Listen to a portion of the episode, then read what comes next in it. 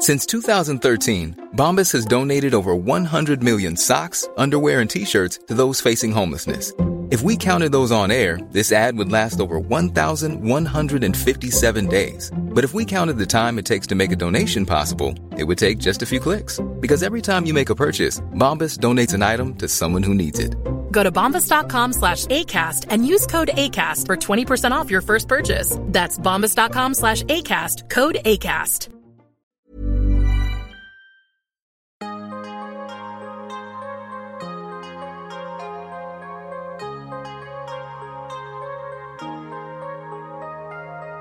Vores mentale sundhed er nedadgående, og det er til trods for, at vi aldrig har været rigere, aldrig har haft flere muligheder og aldrig har levet længere. Det skal vi tale om. Vi skal tale om alt det, der fylder inde i os.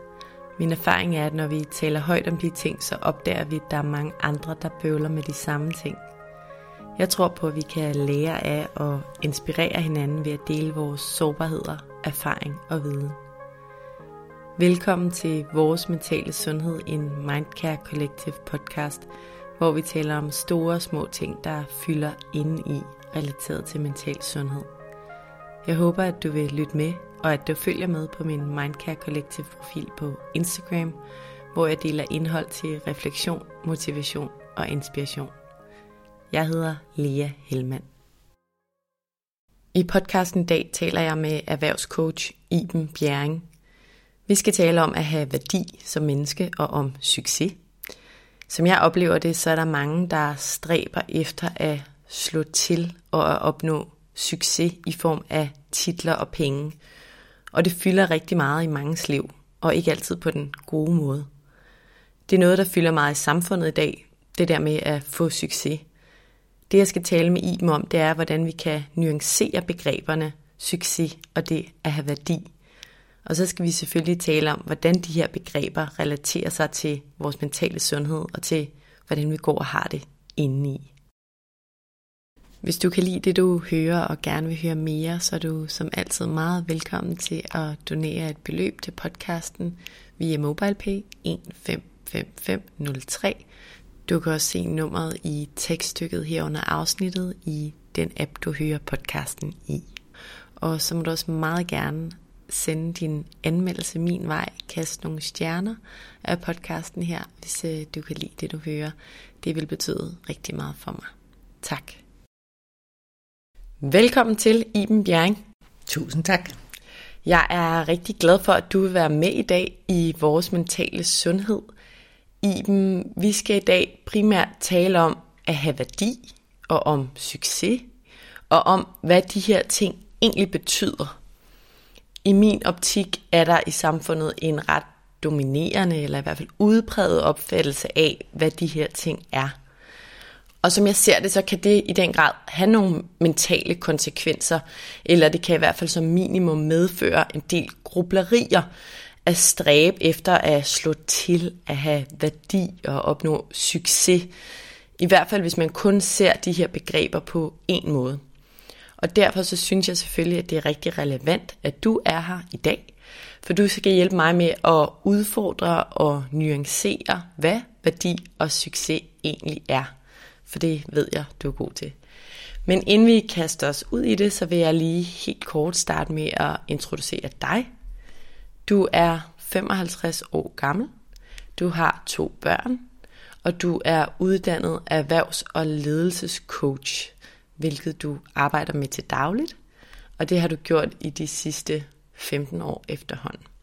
Er der noget, du vil tilføje til, til den overordnede introduktion? Øh, nej, jeg er gift med en hollænder, ja. så, så det er også derfor, jeg startede med at sige, at vi er, jeg har arbejder med at være visuel, og hjemme i, i Holland, der siger man visuel, så det har vi en del griner over. Så I hiver jer. ja. ja, det er godt, Iben. Lad os, øh, lad os kaste os ud i det. Som jeg også har været inde på i nogle tidligere podcasts, så lever vi i et samfund, hvor vi særligt belønner, eller bliver belønnet i hvert fald, og rost via ja, både samfundsstrukturer og samfundsdiskursen, og af hinanden, når vi bevæger os fremad og opad og hurtigere og videre. Vi bliver rost, eller i hvert fald især rost, når vi får høje karakterer, når vi får et godt job, når vi bliver forfremmet, når det lykkes nogen at sælge en startup virksomhed, i sådan nogle der situationer, så bliver det, så bliver det især rost og udnævnt som en succes. Til at starte med, så vil jeg gerne høre dig om, baseret på din både personlige erfaring og på det, du oplever i dit arbejde med dine klienter. Hvorfor tror du, at den her opfattelse af, at succes er lige med studiepræstationer, gode jobs, titler, løn og generelt kommercielle bedrifter i arbejdslivet, er så udbredt, som den er?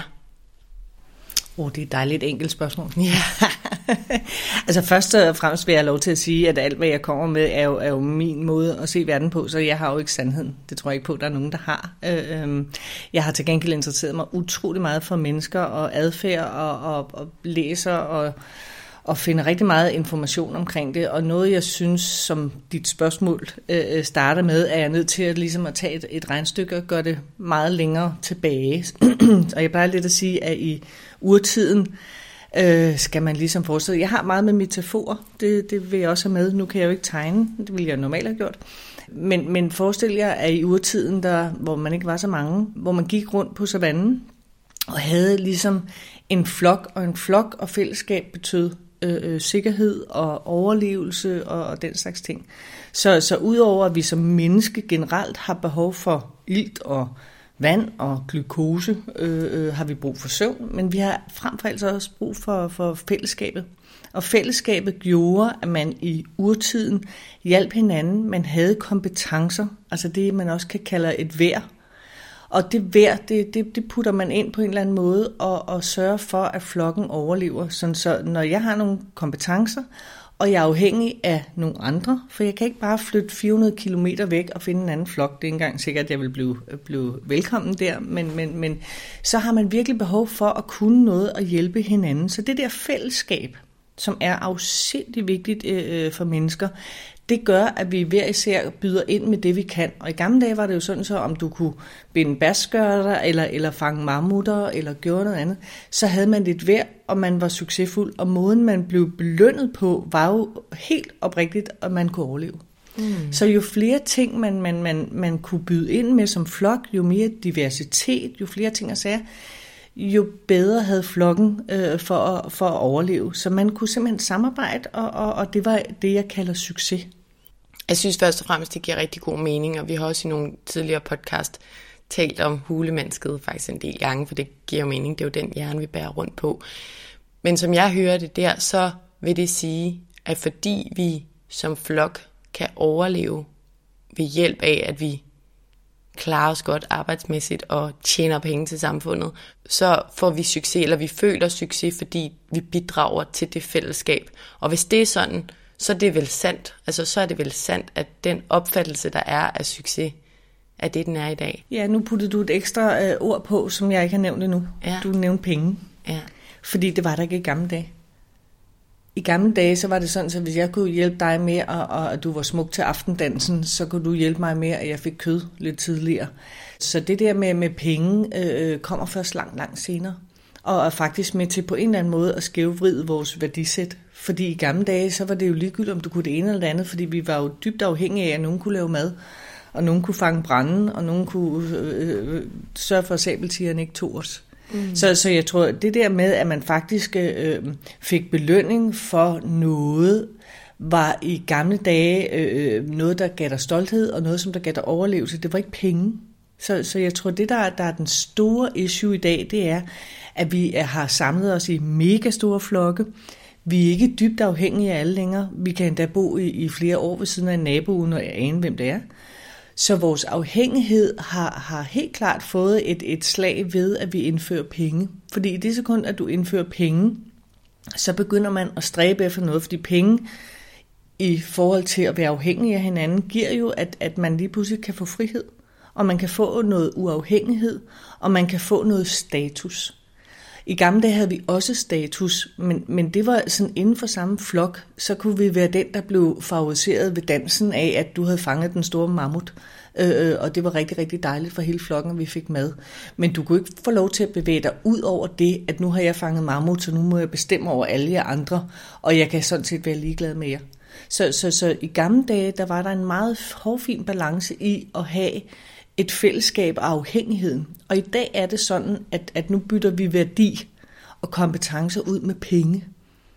Og det vil sige, hvis jeg så laver et eller andet, hvor jeg kan få en belønning af mange penge, så laver jeg også noget uafhængighed på en eller anden måde. Og forskning viser rent faktisk, at, at folk, der har mange penge, eller føler sig uafhængige og frie, begynder at have en anden adfærd end dem, som der ikke har så mange penge. Hvad er det for en adfærd? Altså man har blandt andet øh, øh, sat kameraer op i nogle rundkørsler, hvor man, hvor man simpelthen øh, finder ud af, hvem kører ud foran hinanden.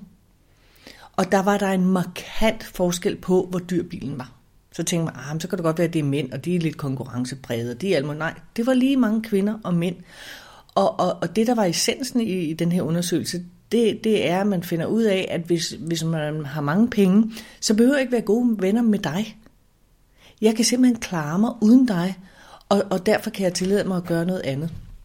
Øhm, det passer jo ikke på den lange bane, fordi vi har stadigvæk brug for, hvis vi bliver syge, eller, eller der sker et eller andet andet, så skal vi ud og hente en kompetence. Vi har jo også behov for, at der er nogen, der kommer og tømmer vores skraldespande, og, og, og sørger for, at der bliver gjort rent, og, og vi tænker bare ikke så meget over det. Mm. Så, så den der, at vi er kommet ind i store flokke, og ikke føler os sådan, hvad kan man sige, truet på, på livet ved at have... Øh, ved at gøre noget andet. Altså, så, så, så det der med, at jeg kan tillade mig at gøre noget andet, fordi nu er det blevet til penge. Så, så det var et vigtigt ord. Ja, det kan jeg høre, det gjorde jo hele forskellen egentlig. Når vi nu taler om mental sundhed, som den her podcast jo centrerer sig omkring, hvad er det så for en kobling, du ser der i forhold til den her stræben efter, nu kalder jeg det en moderne form for succes, hvor penge og titler er inkorporeret, øhm, og hvordan folk har det inde i. Ja, jeg vil gerne starte med at spørge dig om, hvordan ser du den kombi? Det er super lækkert spørgsmål, fordi da jeg startede med at, ligesom at fortælle om urtiden og, og fællesskabet, så er det lige så vigtigt som, som, som ild og vand. Næsten. Ah, det kan der er jo nogen, der kan udfordre mig på. Men, men det vigtige er, at vi som menneske er et, vi er et flokdyr. Vi er simpelthen et, et flokdyr, og vi har behov for hinanden. Vi har bare midlertidigt glemt det. Og når det er, at vi har haft sindssygt travlt med at lave karriere og, og sælge vores, vores øh, opstartsvirksomhed og sidder der med mange penge, så er vi ikke lykkelige nødvendigvis. Vi bliver mere lykkelige af, at der er nogen, der holder af os, eller vi har nogen at holde af. Så, så, så jeg tror, når vi har stræbt efter de her ting, og har fået den her belønning, og har fået vores anden Audi, eller hvad det nu ellers er, så står vi alligevel tomme bagefter. Så, og så tror jeg på, at det både du og jeg laver, at, at der er nogen, som der har brug for det. Så den der værd, der er ikke, det der, øh, hvad kan man sige, værdiregnskab, der er på at have succes, kan godt være, at vi starter med at følge ligesom lemmingerne ud over kanten, at, at vi har et samfund, som der er bygget op på, at, at vi favoriserer, og du får status ved at se sådan og sådan ud. Men jeg tror også, at på et tidspunkt, så, så vender noget af det. Jeg tror på, at der kommer flere og flere, der har behov for, for mennesker og fællesskabet, og, og det at føle sig øh, øh, værdifuld til noget. Fordi jeg har mødt rigtig, rigtig mange mennesker på min vej, og jeg vil jo ikke komme og sige, at bare fordi det er vice president eller noget, at man så er lykkelig. Overhovedet ikke. Hvad har du haft af oplevelser der, både blandt måske bekendtskaber, men også i, din, ja, i dit arbejde? Altså hvad oplever du, at folk med mange penge ikke er glade? Jeg vil ikke sige, at det er et, et, et, et faktum, at bare fordi du har penge, så er du ikke glad, eller så er du glad. Øh, det har meget noget at gøre med dit eget selvværd. Øh, om, om du har et, et stort fællesskab, for der findes jo også mennesker med mange penge, som der har et mega stort fællesskab. Jeg rider et fantastisk sted, hvor, hvor, hvor, hvor de har formået i den grad at have et fællesskab, og hele tiden sørge for, at der er mennesker omkring sig. Så det kan godt være, at de har mange penge, men jeg tror også, de er glade, fordi de har rigtig mange mennesker omkring sig. De føler, at de har en stor flok, og det giver noget ro i mennesket, uanset om man tænker over det eller ej. Jeg tror på, at nogle af de mennesker, som der er kommet hos mig, og som lige pludselig står sådan og tænker, gud nej, nu, nu har jeg løbet og løbet og løbet og løbet. Og så lige pludselig stopper man op og siger, hvad var det egentlig? Hvorfor, hvorfor løber? Er det ikke, hvad hedder han, øh, øh, Peter Sommer, der har den der, hvorfor løb vi? Vi kunne have gået hele vejen. Jo. Og det oplever jeg, at der kan komme nogen og sige, hvorfor er det, at, hvad er det egentlig, jeg har så travlt med? Altså, og der må jeg sige en ting, der er det der med at flytte hjem til sig selv, i stedet for at løbe, fordi alle andre siger, at jeg skal løbe, hopper, fordi andre siger, at jeg skal hoppe der tror jeg, at der kommer flere og flere, der har behov for at gå den anden vej. Jeg oplever, at der er flere, der er trætte, og bare tænker, jamen hvad med mig? Hvor er mit liv henne? Hvad er det, jeg skal putte ned i mit liv, inden jeg, jeg tager afsted igen? Så jo, jeg oplever, at det vender. Og, og, og det er klart, at dem, som der har haft meget succes, har ofte også lavet en masse. Det er meget sjældent, at du har succes, uden at du har knoklet. Øh, så det der med, at man står og, og tænker bagefter, var det det værd? Mm. Det kan godt være, at du har fået frihed, du kan gøre alt muligt, men hvis du ikke har nogen at gøre det med, så er du lige meget. Så, så, så det der med, hvad det er, vi, vi gerne vil belønnes med, synes jeg er forskelligt. Ja, og jeg kan genkende meget af det, du siger, også i det, jeg synes, jeg ser. Der er i hvert fald flere og flere artikler omkring det her med rige mænd, eller rige personer, må man hellere sige her, som taler højt om, at de har købt biler og fede rejser, men de er også gået fra deres koner eller mænd, og er bare ikke særlig lykkelige. Og det jeg også ønsker mig for alle aldersgrupper, at vi, vi, vi tager os den der tid til at stoppe op og lige mærke efter, og det gør rigtig mange på hver sin måde, men jeg tror godt, vi kan blive endnu bedre til det. Og det er svært, fordi vi netop er i et samfund, hvor alt går så hurtigt, som det gør. Så det der med at tage sig tiden, det er virkelig noget, vi skal være disciplineret til at gøre. Men det er vigtigt. Det er super vigtigt. Og men jeg tror også, at, at og det er ligesom om, at, at fra at man, man måske gik og, og hygge øh, sig i urtiden ved at samle og jage, og, og sådan, der var jo faktisk rigtig meget fritid dengang. Altså, man, man tror, det var sådan helt forhullet. Nej, nej, man, man arbejdede måske 3-4 timer, og så, og så gjorde man alt muligt andet. Øh, øh, I dag har vi ligesom byttet, byttet, byttet det rundt, at vi er mere på arbejde, end vi, vi er sammen med dem, som vi elsker. Vi, vi, vi er mere derude i et samarbejdende, produktiv øh, et eller andet, fordi der er nogen, som der siger, at hvis vi ikke er det, så dør vi.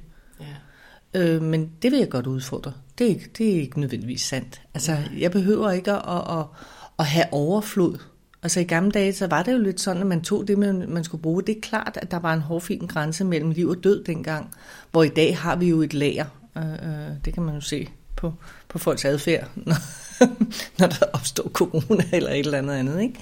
Ja, og jeg tænker, alle, eller ikke alle, men rigtig mange studier kommer jo tilbage til det her med, at den sådan genuine, ægte glæde, den finder vi i, i relationerne og i nærværet, og det er det, man i hvert fald kan risikere at få mindre tid til at dyrke, når man, når man ræser der ud af. Hvordan oplever du i dit arbejde, at jagten på, nu kalder jeg det den her moderne opfattelse af succes, påvirker menneskets mentale sundhed? Altså, hvordan påvirker det sådan helt lavpraktisk, hvordan folk har det inde i? Hvad er det for nogle følelser, de står tilbage med? Øhm, jeg tror, det jeg oplever, det er, at der findes jo, altså vi er jo meget forskellige som, som mennesker, og, og, og og jeg er helt med på, at vi skal ikke kunne det samme, og vi skal ikke lave det samme, og der er rigtig mange forskellige ting at sige. Der er nogle øh, typer i, i, i dem, jeg møder, som der mærker sig selv utrolig meget, så derfor kan de mærke, hvad de skal og hvad de ikke skal. Og så er der helt klart også nogle typer inden for, for jeg arbejder utrolig meget med enagrammet. Jeg pauser lige her for helt kort at give en forklaring på, hvad enagrammet er for dem af jer, som måske ikke kender til det. Helt kort fortalt, så er enagrammet en personlighedsmodel, som de fleste af dem, der arbejder enten med mennesketyper, eller personlig udvikling, eller gruppedynamikker, de kender til. Men det er i hvert fald en model, der karakteriserer ni forskellige personlighedstyper, og modellen den giver et indblik i og en forståelse af de forskellige personlighedstypers måder at handle på, deres typiske reaktioner, deres typiske overbevisninger og værdigrundlag. Den fortæller om deres styrker og deres faldgrupper. Og ja, det vil jeg bare lige nævne for dem, der ikke kender til enagrammet. Men øh, lad os gå tilbage til snakken med Iben. Og så er der helt klart også nogle typer inden for, for jeg arbejder utrolig meget med enagrammet, og, og, og de her ni typer øh, plus, plus det løse, øh, der er der jo stor forskel på, om man kan mærke sig selv eller ikke mærke sig selv. Og jeg oplever rigtig meget, at dem, som der er rigtig gode til at præstere, er meget dårlige til at mærke sig selv. Og dem, der er gode til at præstere, det er også ofte dem, som der har karriere og, og ambitiøse og alt muligt andet. Og det er dem, som der har løbet hele vejen. Øh, og så er det, de kommer sådan helt forpustet til mig og tænker, hvem er jeg så? Så det der med, at man at finde hjem til sig selv og finde ud af, hvem man, hvem man er, kræver i, i, i mit virke af, at man tager sig tid til at spørge og mærke efter. Og fordi vi har en historiefortælling i vores samfund om, at tingene skal gå så afsindigt stærkt, og hvis vi ikke laver noget, så er vi et eller andet, og hvis vi ikke det der, så er vi det her, og hvis vi ikke er det her. Så alle, øh, øh, eller utroligt, jeg vil ikke sige alle, utroligt mange mennesker, der kommer hos mig, er bange for, hvad andre tænker om dem. Mm. Men, men det er jo meget, meget svært, fordi at for det første, så får du dig aldrig rigtigt at vide. Og den fortælling, du tror, andre tænker om dig, det er en fortælling, du har sagt til dig selv. Der er jo ikke nogen, som der er kommet hen til dig og siger, nu skal du høre, hvad jeg tænker om dig. Men rigtig mange mennesker tænker over, hvad andre tænker om dem. Og så er jeg jo nødt til at spørge, hvor kommer de tanker fra? Og de kommer ofte fra, fra sindet selv. Fordi typen har travlt med ofte at sige, hvis jeg er rigtig god til, hvis jeg er god øh, til at præstere, øh, så kan jeg ikke lige, lige, så er jeg også god til at få succes. Og hvis jeg er god til at få succes, så hader jeg fiasko. Og så kan tingene godt komme i ubalance på en eller anden måde, fordi jeg tror ikke på, at der findes et liv, som der ikke har fiasko.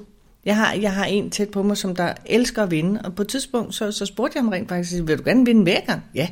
Altså med alting? Ja, det kunne han faktisk også tænke. Altså hvis han virkelig væk muligheden, så ville han rigtig gerne. Og så tænker jeg, nej, hvor vildt. Så siger jeg så, har du tænkt over, at du kun har taber omkring dig?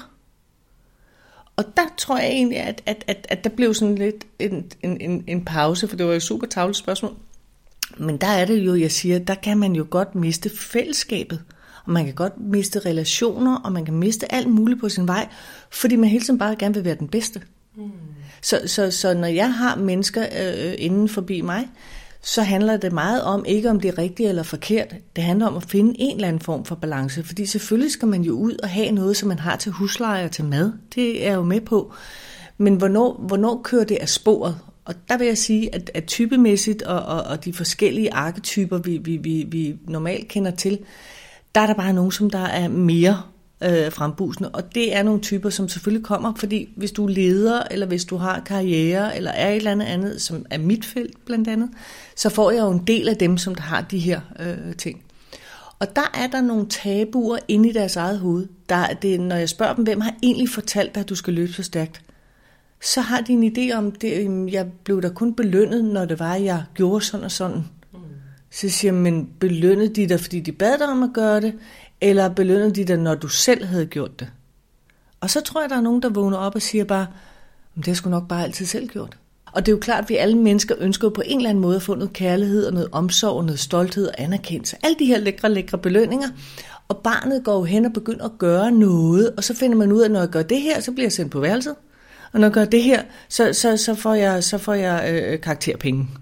Det er også derfor, det er interessant at dykke ned i, hvad man egentlig kommer fra, ikke? og hvad man er vokset op i, og man kan have haft en, en, af mit indtryk i hvert fald, når jeg både kigger på mig selv og på andre, en egentlig rigtig god barndom, men der er stadig nogle dynamikker, der gør, at man i dag måske tænker på en måde, som ikke altid i hvert fald er, er konstruktiv.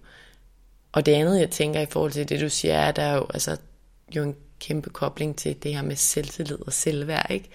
At vi, er vi gode nok, som vi er, uafhængigt af vores præstationer.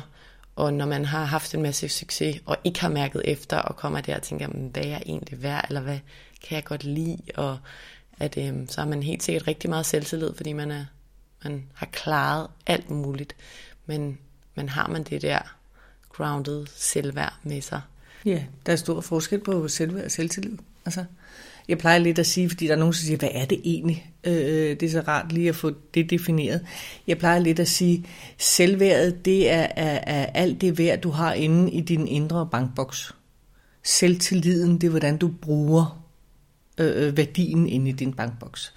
Øh, og man kan godt være god til at gøre noget, men det er ikke sikkert, at det kommer fra, fra en balanceret værdiboks. Så er det sådan en bestemt valuta, man har lært på en eller anden måde, fordi det var man god til, og mor og far eller onkel roste en for at gøre det. Og så gør børn jo det, som de tænker, gud, hvis jeg får flere kager ved at gøre det her, så skruer man op for det. Og i mit system, der er det sådan, så man har ikke fejl. Man har det, man kalder faldgrupper. Det vil sige, hvis du er rigtig god til at præstere, og hvis du er rigtig god til at, at, at være, være stræben efter succes, så skruer du mere og mere op, og en balanceret udgave, så tager du hjem, og så elsker du din nærmeste og nærværende med dig selv.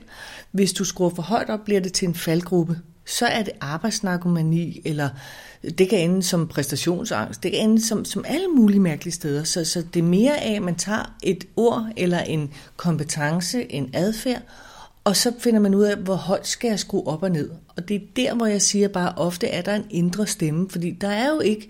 Der, altså, nogen siger, at det var min mor, der sagde sådan. Og så siger jeg til dem, jamen, hvor er hun henne i dag? Jamen, hun er død. Jamen, hvem er det så, der siger det? Øh, det er mig. Så, så, så det er sådan nogle samtaler, jeg har med mennesker, at finde ud af, hvor er det egentlig, hvad er det for nogle stemmer, der går og snakker. Det er jo ikke, fordi vi, vi er skizofrene eller noget som helst, men, men, men det der med, at man har nogle stemmer, og meget ofte er det mødet med ens nærmeste, som der har formet en, men man skal lige huske, at man har selv haft et eller andet, man er god til. Dem, som der har børn, har vel også en eller anden idé om, at de sjældent er ens. Nogle er ekstrovert, nogle er introvert, nogle er et eller andet. Så vi, jeg tror på, at vi kommer med et eller andet, hvad kan man sige, et lille øh, simpelt hulkort og sige, jeg er nok, jeg kan godt lide at vise, hvad jeg kan. Og nogen kan godt lide at ordne transistorradioer nede i kælderen. Så du tror faktisk, der er en del af os, der er medfødt? Der er helt klart noget, men jeg tror jo også på, hvis jeg nu skal kigge tilbage til urtiden, så ville det jo være katastrofalt, hvis en flok kun fødte den samme type menneske. Altså, så, så ville det jo, så ville, øh, så ville faldgruppen jo være forfærdeligt. Tænk, hvis det kun var, var forskertyper. Altså, så ville der jo ikke være nogen, der gik ud for, for at finde mammut. Så, så, men det er jo, nu sagde jeg i starten, det er ikke mig, der har sandheden. Det er sådan, som jeg ser den. Og jeg ser helt klart, at vi som mennesker er, har nogle forskellige ting, fordi jeg tror, det er sundt at have diversiteten. Øh, det er selvfølgelig svært at forstå andre, men i gamle dage, der var vi afhængige af, at der var nogen, som der kunne forstå øh, urtemedicin, og nogen, der kunne fange mammut. Altså, vi skulle simpelthen kunne noget forskelligt. Ready to pop the question? The jewelers at BlueNile.com have got sparkle down to a science with beautiful lab-grown diamonds worthy of your most brilliant moments. Their lab-grown diamonds are independently graded and guaranteed identical to natural diamonds, and they're ready to ship to your door. Go to Bluenile.com and use promo code LISTEN to get $50 off your purchase of $500 or more. That's code LISTEN at Bluenile.com for $50 off. Bluenile.com code LISTEN. Quality sleep is essential. That's why the Sleep Number Smart Bed is designed for your ever evolving sleep needs. Need a bed that's firmer or softer on either side? Helps you sleep at a comfortable temperature? Sleep Number Smart Beds let you individualize your comfort so you sleep better together. JD Power ranks Sleep Number number 1 in customer satisfaction with mattresses purchased in-store. And now, save 50% on the Sleep Number limited edition Smart Bed for a limited time. For JD Power 2023 award information, visit jdpower.com/awards. Only at a Sleep Number store or sleepnumber.com.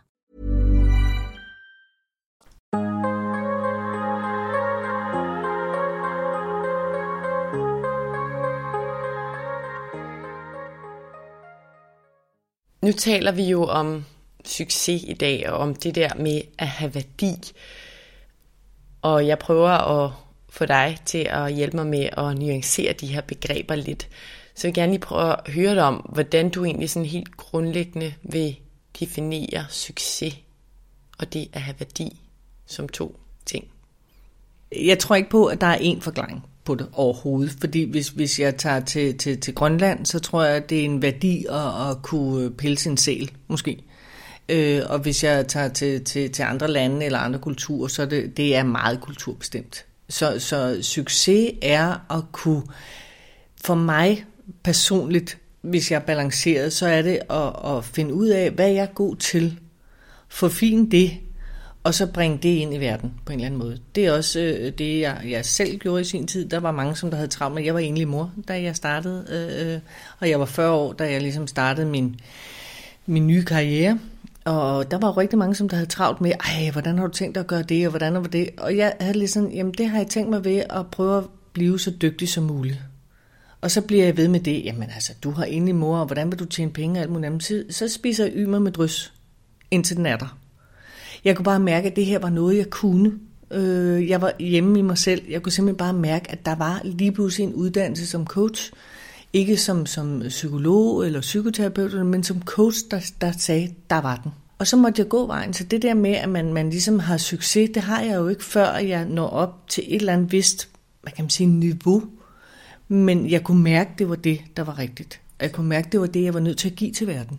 Så på en eller anden måde er det at sætte sig nogle selvdefinerede mål, som egentlig helst ikke er defineret af nogen som helst andre end selv, og så nå de mål. Ja, altså jeg startede jo som sagt for 15 år siden, og der var der ikke ret mange, der gik til coaches. Coaches var noget, man havde i sportsverdenen, så der har også været rigtig meget øh, tabu omkring det, og da jeg ligesom startede min karriere, der var der, der, var, der var der mange sjove samtaler til børnefødselsdag, eller til, til fester og sådan noget. Sådan, hvad fanden er du for en? Er du sådan en eller anden? Og gud, skal nu sidde siden af dig? Sidder du så og psyko analyserer mig, eller et eller andet. Jeg tænkte bare, har I slet ikke fanget af i sportsverdenen, der går man til en coach, fordi man har noget, man enten vil være bedre til, eller noget, man er træt af, man bliver ved med at gøre. Så, så, så jeg startede et sted, hvor, hvor det ikke var en nødvendigvis at gå til coach. Det var også derfor, der var så mange, der havde fordomme omkring, at jeg som enlig mor sprang ud i det. Jeg kunne bare mærke, at det var det, jeg skulle. Og det synes jeg giver, giver super god mening, og jo også en inspirerende historie på rigtig mange måder. Hvis jeg alligevel skal udfordre det lidt, så tænker jeg, hvad nu hvis du ikke, eller lad mig starte et andet sted. Jeg tænker godt, at vi kan sige, at du i dag er et godt sted med dit arbejde med dit coach-erhverv, og igen, set udefra, så har du succes. Men lad os sige, at du ikke havde formået at nå til et sted, hvor du kunne tjene til dagen og vejen for dig og din familie med det erhverv. Havde du så været en succes? Altså man kan jo godt øh, øh, øh, sige sådan rent øh, kulturmæssigt, så, så kan du øh, kalde mig en fiasko, fordi jeg ikke kan klare mig selv og brødføde mit barn, og, og, og det kan man jo sige, det er jo, det er jo ikke særlig rart at, at kigge ind i det. Jeg tror til gengæld, at, at, øh, at jeg kan jo godt være, jeg kan jo godt kunne noget, uden at verden er klar til det. Så sådan grundopfattelsen af, om jeg er en fiasko eller en succes, kan kigges på forskelligt. Jeg kan jo godt være mega dygtig til at male nogle helt bestemte malerier. Verden er bare ikke klar til at tage dem. Er man så en succes? Nej, det er man ikke. Har man, har man et værd? Ja, det har man. Så, så, så, så det der med, at man, man, man står inden for den, man er, og, og tror på det. Jeg tror til gengæld også, hvis der er noget, man brænder for, og bare kan mærke, at det er det, man skal, så tror jeg faktisk, der er vej. Og det har jeg ikke noget at have det i, fordi jeg har jo ikke en krystalkugle, og jeg har jo ikke noget som helst. Jeg tror bare på, at hvis man virkelig brænder for noget, så tror jeg, så, så, så er der vej. Ja, og det er også noget, jeg synes, jeg, jeg hører og ser mange steder. For mig har det sådan, altså jeg har jo kvaret mig mange gange, og, og jeg har da helt klart også grædt og haft diskussioner med, med, med andre omkring, om jeg var værdifuld pengemæssigt. Øh, jeg har en dejlig, dejlig mand, og han er, er økonomisk, øh, øh jeg plejer at sige, det er ham, der sidder inde i Excel. Øh, og han havde på et tidspunkt sådan, og jeg synes, det er et dejligt spørgsmål, han sagde bare, hvad, hvad, hvad har du tænkt dig til næste år i? Det var lige i starten, og der var vist også lige lidt finanskrise, så det var et super lækkert spørgsmål. Så hvad har du tænkt dig til næste år, og hvad, hvad er ligesom dit budget, og hvordan?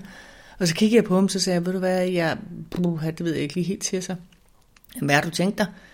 Ja, det vil jeg, altså, jeg kan i hvert fald ikke kigge ind i fremtiden, så hvis du har en krystalkugle, vil jeg meget gerne låne den det synes han ikke var et super fedt svar. Men jeg sagde, at, at jeg, jeg kan ikke fortælle dig, hvad det er. Tænk, hvis jeg siger til dig, at jeg har tænkt mig at tjene 500.000, og så jeg kun har tjent 400. Skal jeg så ud og true mig til de sidste 100? Eller hvad vil du have, jeg skal gøre? Jeg, jeg har ikke fremtidssvaret.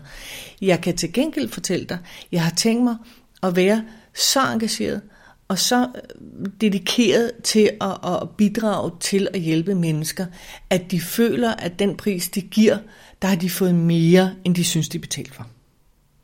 Det er min plan. Det er min strategi. Så jeg vil hele tiden gerne gøre mere, end hvad det er, at de synes, at de har betalt for. Og det er jo så derfor, jeg siger, at jeg plejer at kunne lave lige så meget reklame for min butik, som, som gynekologen kan. Altså, fordi det er personligt, og det er noget, jeg har tavshedspligt, jeg kan ikke gå ud og fortælle om det, øh, og det er individuelt, og det, det din historie, ikke andres historie. Det vil sige, det eneste, jeg kunne for at få succes, det var at være så afsindigt dygtig, så der var nogen, som der enten har lyst til at spørge, vil du have en podcast? Eller, jeg har en veninde, giver du hjælp hende også? Og det, det er min succes af, at der er nogen, der har lyst til at sladre videre. Mm. Men det må være fordi, at jeg brænder så meget for det. Jeg elsker også at komme tilbage fra ferie, for jeg elsker faktisk at komme på arbejde. Mm. Jeg tror også, at der er stor grobund for det, vi jo så kalder objektiv succes, når vi har passionen med.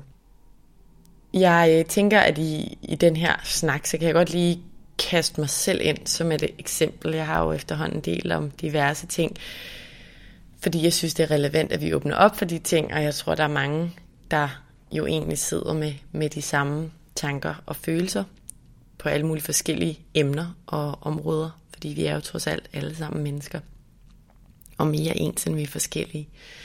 Men i efteråret, der sagde jeg jo mit job op som managementkonsulent, som jeg havde arbejdet med i syv år på det tidspunkt, og jeg gik i proces omkring, hvad jeg så gerne ville, og jeg prøvede at dobbeltklikke lidt på mig selv, altså jeg prøvede at stille mig selv spørgsmål om, hvad der sådan virkelig gør mig glad at arbejde med, og hvad gør virkelig mig glad mandag morgen.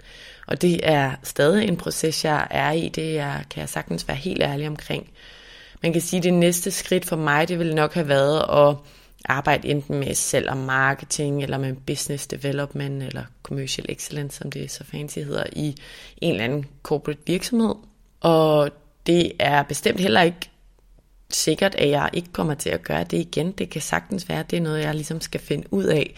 Men jeg besluttede mig altså i november for at kaste mig ud i Mindcare Collective, som den her podcast jo er en del af. Og det er altså en platform omkring mental sundhed. Og grunden til det var, at jeg i mange år synes, at emnerne omkring mental sundhed, psykologi og at have det godt inde i, det er helt vildt spændende, og det er helt vildt vigtige og relevante ja, emner i den verden, vi ligesom lever i. Sådan ser jeg det. Og det betyder altså, at jeg prøver det her af nu, og det er på mange måder virkelig givende. Det er til gengæld klart, at jeg er trådt væk fra den her stige i situationstegn, jeg var på før i konsulentverdenen. Og jeg har for eksempel, for nu i hvert fald, vinket farvel til en rigtig god løn, jeg fik. Og det er noget, jeg kan mærke fylder inde i. Det har jeg også talt med dig om tidligere. Altså det her med, at på den ene side, så er jeg overbevist om, at det her skridt for mig, det er sundt. Det er sundt at prøve noget nyt af, for på den måde, så lærer jeg virkelig noget om, hvad det er, jeg gerne vil i livet, og måske noget om, hvad jeg ikke vil i livet. Jeg får faktisk tid til at mærke efter, ikke? Og så får jeg lov til at sidde med et emne til hverdag, som, som virkelig interesserer mig. Det er ligesom på den ene side. På den anden side, så får jeg alligevel ret ofte, og det irriterer mig lidt, de her tanker med, men hvad så med om to år nu, hvor jeg har droppet den karrierestige, jeg ellers var på? Ja, hvad med den stige? Og jeg bliver også ramt af tanken om, at du ved, jeg kunne få den her gode løn et andet sted, og der er nogle muligheder derude, og i stedet så kaster jeg mig ud i det her projekt på nuværende tidspunkt uden ret meget løn. Og jeg vil selvfølgelig ikke gøre det, hvis jeg skulle få, gå fra hus og hjem for at gøre det, men, men de her tanker, de fylder alligevel. Og det, øhm, det synes jeg egentlig er irriterende. Altså, man kan sige, jeg ser jo også gamle kollegaer og alle mulige andre på LinkedIn for eksempel fortsætte den her stige, jeg var på, og får, jeg får ret tit sådan nogle tanker om, at, hvor jeg tvivler på, om det jeg nu gør, er det rigtige, eller man kan sige, jeg følte i hvert fald før, jeg var på sådan en åbenlys successtige, og det føler jeg slet ikke på samme måde lige nu, og det er jo min egen definition af det. Fordi det er ikke med det sagt, at øh, det er ikke en vigtig vej at gå, som jeg gør nu. Jeg ved godt, det bliver en lang intro, men det er bare vigtigt for mig lige at sådan formulere det ordentligt, sætte scenen ordentligt. Fordi jeg er ret sikker på, eller jeg ved, at det jeg gør er, er vigtigt for mig og lærerigt. Men jeg ser det meget mere som sådan en passionslæringsstige, end en, en successtige. Og det er egentlig det, mit spørgsmål er. Altså, hvad tænker du om de tanker, jeg har? For rationelt, så ved jeg jo godt, at det jeg gør, det kan jeg stå indenfor, og det har jeg lyst til. Men alligevel så fylder de her ja, mere kritiske og egentlig larmende tanker om succes ind i mig. Ja, altså det I kan se, det er, at jeg har det største smil i, i hele fjeset, for jeg sidder simpelthen og kigger på dig. Og så når du fortæller om, hvad det er, du gør i dag, så smiler du simpelthen med øjne og med hele ansigtet. Hele din kropshår smiler jo. Så, så, så for dig er succes, hvad er det, du gerne vil belønnes med? At være glad ind i hjertet og, og, og føle, at man, man bidrager til noget. Jeg er helt sikker på, at der er en rigtig mange mennesker med al den interesse, du har for det her, og med den passion og den her energi, du lægger bagved, bliver så ægte for mig, at jeg køber dit produkt på en eller anden måde. Og det tror jeg på er en succes. Jeg tror ikke nødvendigvis, at, at du på din karriere stige smilede lige så meget. Det, det tror jeg simpelthen ikke på, så vi er jo nødt til at definere, hvad er det, der er belønningen. Det kan godt være, at du også må spise ymer med drøs i, i, i, i nogle år. Og det ved jeg jo godt noget om. Jeg skal ikke komme og sige, at jeg har haft råd til alle de øh, øh, fine ting. Og min søn havde ikke fine mærker på sit tøj. Øh, øh, og havde ikke alle de her ting og sager. Jeg har, jeg har nogle søskenflokke, som der har haft rigeligt med penge, så, så jeg kunne virkelig måle om, hvor i en fattig jeg var. Men hvis jeg kigger i dag, så er jeg, så er jeg rig i mit hjerte. Jeg er så rig, at, at jeg, jeg, jeg ikke kan lade være med at arbejde. Jeg er så rig, at jeg simpelthen oplever, at jeg er styrtende glad. Og det er der jo også rigtig mange mennesker, der vil. Og det er jo ikke alle, der skal ud og lave noget, som, som, som, som, som jeg gør. Men jeg kan også godt blive beriget af at møde i Netto en rigtig glad medarbejder, hvor man bare kan mærke, at der er ægte smil i, i øjnene. Så, så for mig har jeg ingen dom på, hvad du skal lave. Men det har noget at gøre med, at man selv anerkender sig selv for at være, være øh, bidragende og, og værdifuld. Og vi er alle sammen værdifulde. Jeg kan ikke undvære en eneste øh, ting i vores samfund, der får tingene til at hænge sammen. Så det der med at selv at opleve, at man skal give noget stolthed og give noget anerkendelse til sig selv, i stedet for at, at, at have den her øh, hammer oven i hovedet, så siger, jeg har lyttet til en historiekulturfortælling, der fortæller, at hvis man ikke gør det her, så er jeg ikke noget. Så ikke noget ævl. Altså, du, du, du gik simpelthen fra seks forskellige ansigtsudtryk, og jo mere du talte dig ned i, hvad du går og fortæller dig selv, jo mere trist blev det ansigt. Jo mere du fortalte om, hvorfor du gør det her læringskurven og passionen og alt andet, jo mere strålede du. Så hvad er din belønning? Altså, hvad er det, du ønsker at have som belønning? Mm. At det giver mening at stå op hver dag, eller du har noget, du kan vise på LinkedIn? Men, og det er jo det, jeg synes er rigtig paradoxalt, fordi jeg ved godt ind i mig selv, hvad det vigtigste er. Det er at stå op hver dag, være glad, være der for mine børn og for mine nære relationer. Det er jeg slet ikke i tvivl om, og, og det er det, der frustrerer mig. Altså, hvorfor kan jeg så ikke bare pakke de der andre følelser eller tanker langt væk? Er det, fordi jeg ikke har øvet mig nok på det? Altså, hvorfor er det svært, når jeg på den ene side og inderst inde har den overbevisning, om, at det er det rigtige. Hvorfor, hvorfor fylder de der kritiske tanker sig? Og mit eksempel er jo en ting, men jeg tror, det er ikke fordi, måske andre har sagt deres job op og gjort noget andet, men jeg tror, at der er mange, der kan kende det, om de så har, du ved, stået mellem to forskellige jobs, hvor det ene var langt mere økonomisk attraktivt, eller stillingsmæssigt attraktivt, og så har de valgt det andet, eller ja, nogle, nogle andre eksempler, men, men at de her tanker fylder, selvom jeg ved, at det jeg gør, er det rigtige for mig lige nu. Kan du følge mig? Jeg kan sagtens følge dig. Jeg, jeg, jeg tror, det som der snyder os, det er, at det som vi kulturmæssigt har lært øh, øh, igennem mm, generationer og, og, og i vores familier og alt muligt andet, er jo noget, som der har læret sig helt, helt dybt. Så vi tror jo på de der fortællinger. Så jeg tror, når man kommer ind til sådan en som jeg, så kommer man ind, og så stopper man op, og så siger man, så spørger jeg, hvad er det, du går og siger til dig selv? Og så kigger vi på fortællingerne. Og jeg tror jo rigtig ofte, når man kommer ned til bunden af det og siger bare, okay, så det du siger, det er, at hvis du har en karriere, så er du succesfuld. Hvordan ved du det? Kan man have en karriere uden at være succesfuld? Øh, ja, fordi jeg er jo ikke glad, eller jeg er jo ikke et eller andet andet. Jeg har ikke nogen venner mere, fordi jeg arbejder hele tiden, eller når jeg er stresset, så bliver jeg en narrør at være i nærheden af, eller et eller andet andet. Altså, og så er jeg jo nødt til, når jeg prikker ind og, og, og når man kommer ind hos mig, så kommer der ligesom sådan et rum, hvor man kan stå lidt stille og få lov til at tænke færdigt. Et fortroligt rum, hvor man kan få lov til at tænke højt og tænke færdigt uden at dømme. For jeg kan ikke dømme noget. Hvis jeg dømmer dig, så er det fordi, jeg selv har en udfordring med det. For ellers ville jeg ikke kunne dømme det. Jeg, jeg er jo nødt til at kende den adfærd. Så endnu hos mig kan jeg ikke dømme dig. Så det der med at have et rum, hvor man får lov til at, stille og, og, og spørge færdigt. Jeg har jo set mennesker, som jeg troede var meget, meget, meget succesfulde og som havde virkelig penge, virkelig mange penge, og, og gjorde alt muligt andet.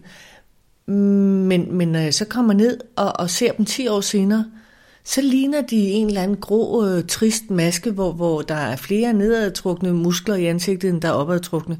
Så, så, så lad os nu, jeg tror dybt set ikke, at du kan måle færdig, før vi ligger i kassen. Mhm. Så, så det er jo op til dig at tage et selvansvar og sige, hvordan kunne jeg godt tænke mig at blive belønnet, og så stoppe nogle af de der historiefortællinger. Ja, fordi i forhold til de historiefortællinger, som jeg også har mødt, øh, altså den strategi at ændre dem i mange terapisessioner, og også i samtalerne med dig.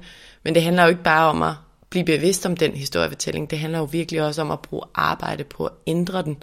Og det, altså tilbage til, hvorfor jeg bliver ved med at få de der irriterende tanker, fordi jeg skal arbejde på at dedikere mig til at ændre de historier.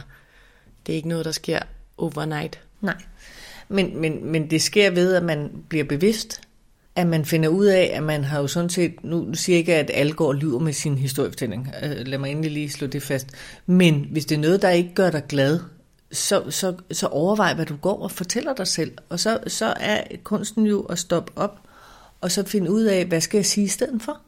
Altså, meget ofte, så, nu ved jeg, at vores hjerner jo tager 20 procent af al vores ressource, øh, og, og, og, og fordi at kroppen stadigvæk tror, at vi går på savannen, og ikke lige har en Irma øh, ved siden af os, så sparer den rigtig gerne på ressourcer. Så det vi har lært, har den sendt på fjernlageret, og så kører det per automatik. Og, og når man kommer ind hos mig, så er man ofte øh, træt af at køre i automatgear. Man siger, jeg er godt klar over, at der er noget galt, men når jeg sætter mig ud i mit liv, så træder jeg bare på speederen eller bremsen, men jeg kan ikke finde ud af at gear om. Så når man kommer ind hos mig, så, så, så får man lov til at få et manuelt gear. Jeg tager simpelthen automatgearet ud af dig, og så siger jeg så, stiller spørgsmål, vil du i første eller tredje, eller hvad kunne du tænke dig? Kunne lige tænke dig at bare koble ud og lige spørge efter, i stedet for bare at sætte i gang med det, du plejer? Fordi så får du jo det, du plejer. Mm. Så, så, så det der med at have et rum, hvor man faktisk får lov til at lige stoppe op, men det er klart, at, at, at, at fra at have automatgear, hvor man ikke skal gøre noget, til at have manuel gear, kræver jo, at man begynder at gøre noget. Men små skridt øh, øh, øh, gør noget. Altså. Og jeg er helt sikker på, at det, som du har gang i nu, det der med det mentale, der kommer flere og flere, der har behov for det. Der er ingen tvivl om, at, øh, at bølgen ruller. Det er i hvert fald det, jeg ser. Og lad os, lad os se, hvor, hvor det her ender. Mm. Hvad er der andet, vi kan gøre? Altså, mm, vi snakker om det her nu med at ligesom ændre historien og have det der rum. Altså det her rum, hvor vi ligesom kan, kan tale om det og prøve at ændre fra automatgear til, til manuel gear. Er der andre ting, der sådan... Skal vi skrive nogle ting ned om aftenen? Eller sådan, jeg tænker... Ja, ja der, der er jo virkelig, virkelig mange ting. Altså, jeg tror bare, det der er allervigtigst, det er, at, at man får et, et, et menneske over for sig selv, som der kan noget andet end det, du kan. Så er der også nogen, som der har selvhjælpsbøger, men jeg er stadigvæk i den overbevisning af, at hvis jeg læser en bog, så tager jeg det ud af bogen, som jeg vil automatisk tage ud af bogen. Og det, som jeg ikke synes er så fedt at, at, at, at have inde, det som min, min underbevidsthed tænker, ej, det skal vi ikke have pillet ved, fordi så får vi øh, fiasko. Det vil bogen jo aldrig kunne udfordre med, medmindre den har nogle øvelser sidst i bogen, hvor den beder dig om at gøre noget der tror jeg, at det er lækre at have fællesskabet og et rigtigt menneske over for dig. Så jeg vil jo stadigvæk sige, ræk nu ud efter nogen, der er klogere end dig selv, øh, og, og, og tage imod. Man kan jo altid sige nej tak, eller sige tusind tak for dit input, det har jeg ikke lyst til, eller noget andet. Men, men jeg tror faktisk, at vi mennesker har behov for hinanden, og jo mere vi sidder og arbejder hjemmefra, og sidder på Teams og gør alt muligt andet, jo mere, nu siger jeg, hudkontakt har vi behov for. Mm. Så, så, så kan vi gøre noget det starter i hvert fald med at, at få en spejling fra nogen, der tænker anderledes, eller tænker på nogle højere niveauer, så man kan få lov til ligesom at se livet fra nogle andre sider, end det man normalt ruder rundt med. Mm. Så det er, for, det er simpelthen første step. Jeg har nogen, som siger, at de har læst rigtig mange af de her bøger, men jeg ser ikke nogen forandringer. Fordi de har kun læst det, de havde lyst til at læse. Så, så, så det der med at møde et rigtigt menneske og, og få noget, noget, noget udfordrende øh, feedback. Jeg har en rigtig dejlig ven, som siger os, Iben, du har sådan en, et meget veludviklet bullshit-filter og et meget, meget stort hjerte. Og jeg tror, det er det der med, at jeg tør spørge ind til at sige, hvad mener du egentlig med det? Jeg ser det anderledes. Hvad tænker du om det her? Så det der med, at vi ligesom bliver stoppet op, og vi ikke bare futter afsted i det her automatgear, tror jeg er en stor øh, forskel. Og så er der jo mange øvelser. Men nogle gange skal man heller ikke lave det mere besværligt, end det er. Det er jo bare nogle gange at stoppe op og sige, hvad var det, jeg lige tænkte? Hvorfor blev jeg trist ind i hjertet? Jamen det er fordi, jeg fortæller mig selv, at hvis jeg ikke er på LinkedIn med den rigtig lange visitkort, så er jeg ikke nogen. Mm. Så er jeg nødt til at spørge dig, Lea, er det sandt? Er du ikke nogen, så? Det, det er jeg, men det kræver lige den der, den der ekstra tanke, ikke? eller det ved jeg godt, jeg er, men det er klart, at man kan, blive øhm, sluset ind i, i LinkedIns orkan. Og hvad, hvad, ja, hvad tænker du egentlig om sådan en, en ting som, som LinkedIn? Fordi, ja, hvad tror du egentlig sådan en platform, der jo hele tiden promoverer den her diskurs, vi har talt om, og, om at titel og løn og karrierestigning, det er lige med succes. Det er jo det, der folk blaffer ud med. Hvad gør det ved vores mentale sundhed? Hmm, altså hvis, hvis, hvis, altså jeg er jo godt klar over, at det bagvedliggende med mange af de der platforme, det er jo at, at, at sælge noget. Altså der er ingen, der gør noget gratis, og det har vi jo efterhånden også, hvis der ikke er nogen, der har set hvad The Social Dilemma, det er en fantastisk øh, dokumentar. Hvis man begynder at forstå, at der er ikke noget, som der kommer gratis, altså det gør LinkedIn heller, LinkedIn heller ikke. Sådan, så det der med at kunne have en platform, hvor man kan sælge nogle annoncer til noget, det gør jo, at mennesker skal føle, at det er vigtigt at være derinde, for ellers kan jeg ikke sælge nogle annoncer. Så, så, så hvis man så har en historiefortælling om, at hvis jeg nu ligner øh, øh glasur hele vejen igennem, og kun fortælle om succeser, og kun fortælle om det her, så, så synes jeg nogle gange, at, at, at de her platforme, det er sådan en lort med glasur på. Men der er ingen, der rigtig viser, hvad det er, at, at de også sidder og græder. De er jo dødhammerne usikre. Alle mennesker har jo noget, vi frygter. Alle har jo noget, de, de er bange for, der kommer til at ske. Men det er jo ikke det, samfundet fortæller, at vi har lyst til at, at vise på, på, på, på LinkedIn. Så vi har jo også en kulturfortælling, som det hedder. Det der med at fortælle, at vi er nogle kvejpander, det er kommet mere og mere frem. Mm. Altså fordi, at på et tidspunkt, så begynder den der inde under glasuren at lugte. Så du spørger, hvad synes jeg om det her? Jamen, jeg synes, det er skævvrider. Fordi der er for det første ingen, der har lyst til at, at, at høre om, om, om, om, om en dårlig ting nødvendigvis, men mindre noget, noget vi kan være hvad kan man sige, vi kan føle os øh, krænket over, eller et eller andet. Men jeg tror, LinkedIn har meget at gøre med, at jeg gerne vil vise omverdenen, at jeg har succes, fordi det giver mig muligheder for at få et nyt job og alt muligt andet. Men det er jo kun måske 10 del af det her menneske, der egentlig fortæller. Altså, der fortælles om lidt ligesom med egentlig jo alle, alle andre sociale medier, det viser de her perfekte glimt ja. fra en uperfekt ja. verden. Ikke? Nu handler det bare om en arbejdskontekst. Ja. Jeg vil for også anbefale mennesker, som hvis de virkelig har lavt selvværd, at få de der øh, øh, platform ud af deres liv. Fordi de er jo ikke sande. Øh, og der er heller ikke noget historiefortælling i nyhederne om, at, at positive historier, dem gider vi ikke læse om. Vi er jo, altså man kan sige, mennesket er jo bygget op ved, at vi er frygtbaseret på den måde ment. I gamle dage var det jo farligt ikke at reagere på, på en slange. Så hellere reagere 100 gange på, at jeg troede, det var en slange, fordi det var liv og død dengang. Så vores medier og nyhedsplatforme gør jo også det, at de hele tiden holder den der frygt ved lige, fordi så kan de sælge flere annoncer. Altså, så, så man skal bare, hvis man begynder at kunne se klart og gennemskue det, så kan man bedre være, være, så kan man manuelt komme ind og ud af det. Det er mere den der med, hvis man kører på automat, pilot, og hele tiden sluge alt det der glasur, og ikke kan genkende øh, lorten med den. Jeg kan godt se pointen i at, at skrue ned for ja, både nyheder og, og mm. LinkedIn og sociale medier. Men det er jo op til, til os selv. Iben, vi er ved at være ved vejs ende, men inden vi stopper, så vil jeg gerne lige høre dig om, hvis lytterne her skulle tage tre punkter, tre reminders med til sig selv, baseret på din viden, personlig historie og erfaring, hvad, hvad skulle de så tage med? Hvad skal de tage med i forhold til de her emner omkring succes og have værdi og holde sig selv mentalt sundest muligt? Altså, jeg ved ikke, om jeg har sådan en quick fix, men, men jeg tror, det jeg godt kunne tænke mig, det er, at jeg har til dato ikke mødt et menneske, der ikke har værdi. Altså, det kan godt være, at de selv har en fortælling om, at de ikke har det. Jeg har simpelthen bare ikke mødt nogen, hvor jeg ikke tænker, at de ikke har noget. Jeg synes, wow, det var da fantastisk, det havde jeg ikke. Fedt, at du kunne fortælle mig det. Og det gælder alle mennesker. Mm.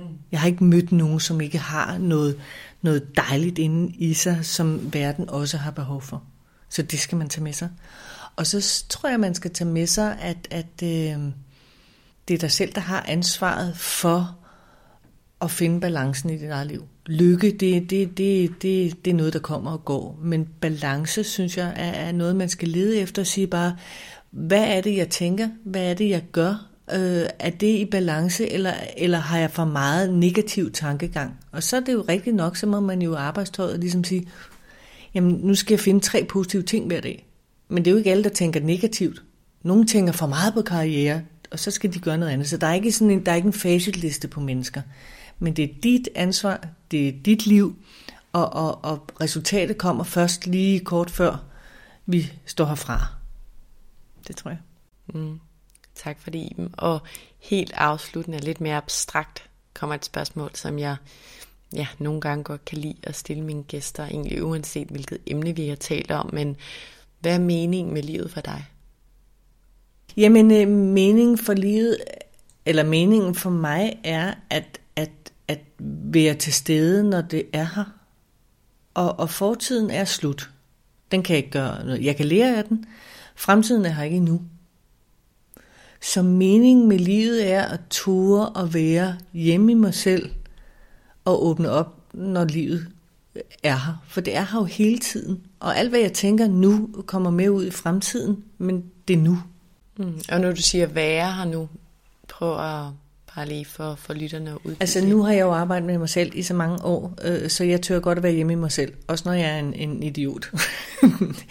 så jeg tror, det der med at lære af det, som er, og tage det ind, som er, altså gå forbi en blomst og virkelig se farven. Øh, øh, nyd det der øh, smil, der røg på din læbe, det er også øh, at være til stede i nuet. Og vide, at hvis jeg får noget feedback, som ikke er rart, jamen, så er det en læring, jeg skal... Altså, det er ture at være her nu. Øh, det ved jeg ikke, øh, om svaret på det, fordi det er jo selvfølgelig meget abstrakt, men man er bare nødt til at forstå, at jeg kan ikke leve livet baglæns eller forlæns. Det eneste sted, hvor jeg kan leve det, det, det er lige nu. Så, så, så husk at kigge på jeres børn. Husk at kigge på dem, I elsker. Husk at sige undskyld. Husk at, at vide, at vi er både er super lækre og mega latterlige. og der er ikke noget, der, der er bedre end noget andet, men det er livet. Jeg behøver, jeg behøver ikke, at, jeg behøver ikke at, at, at vise, at jeg er anderledes, end jeg er. Jeg tør godt være mig. Det, det, det vil jeg virkelig anbefale. Øhm. Tak for at, at dele det i dem, og tusind tak, fordi du vil være med i dag og dele både din erfaring og lidt af din historie, og hjælpe med at nuancere begreberne værdi og succes. Tusind tak, fordi du var her. Det var en fornøjelse. Tusind tak, for at jeg måtte være med.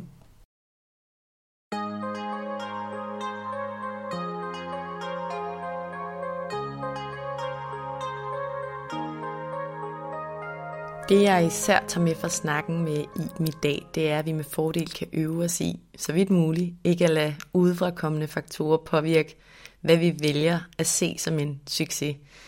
Faktisk kan vi tage os den frihed helt selv at definere, hvad succes er for os. Hvad er succes for dig, kan være noget andet end hvad det er for mig. Det kan bare godt være svært, især når samfundet virker til at diktere en helt bestemt definition af succes. Kunsten er, tror jeg, helt grundlæggende at sørge for, at vi har et, eller i hvert fald forsøger at udvikle et stærkt selvværd.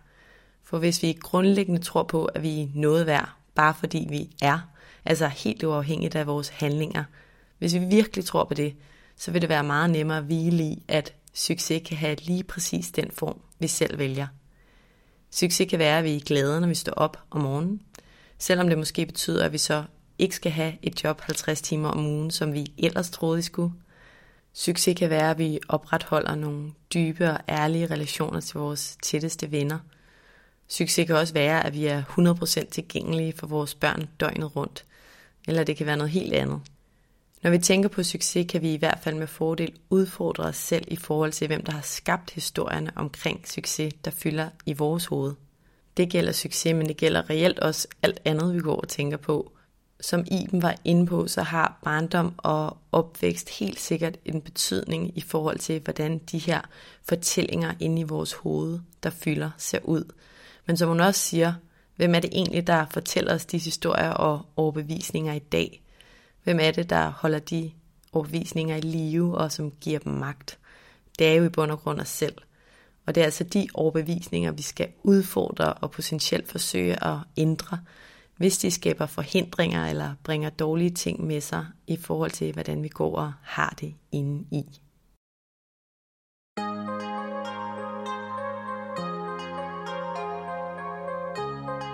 Tusind tak, fordi du lyttede med i dag. Hvis du kunne lide det, du hørte, så håber jeg, at du vil trykke på subscribe-knappen, så du altid ved, hvornår der udkommer et nyt afsnit.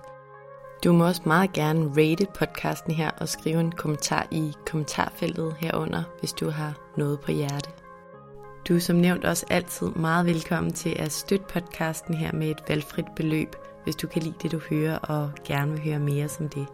Det kan du gøre via MobilePay til nummeret 155503 som du også finder i tekststykket herunder. Som det aller sidste, så vil jeg også opfordre dig til at skrive til mig, hvis der er nogle særlige emner, du rigtig gerne vil høre om i relation til mental sundhed og til det, der fylder inden i os. Enten fra et ekspertperspektiv eller igennem en personlig beretning. Skriv til mig via min Instagram-profil Mindcare Collective, hvor jeg i øvrigt håber, at du følger med, eller skriv til mig via min hjemmeside mindcarecollective.com. Tak fordi du lyttede med.